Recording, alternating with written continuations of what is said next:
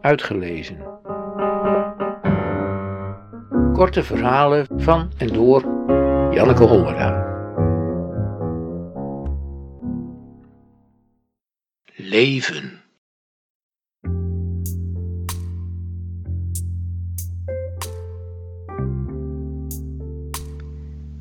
Ze zegt nooit, ik ben gegaan, ik heb gedaan.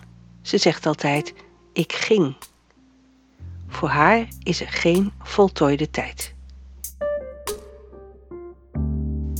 Ik ging even op mijn blote voeten door de tuin rennen. Dat moest, want straks kan het niet meer. En toen ging ik zo onwijs lekker koken. Ik ging een kippenpoot kopen bij de Turk voor 3 euro, ja, met nog veel meer andere lekkere dingen. Ik ging dat vel eraf trekken en die botten eruit halen en dat vlees in kleine stukjes knippen.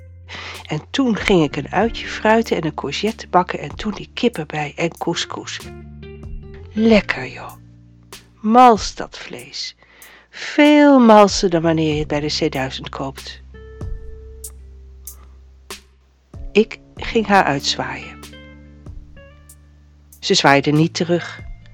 Ze ging iets anders doen, iets dat niet kon wachten, omdat het leven daar te kort voor is.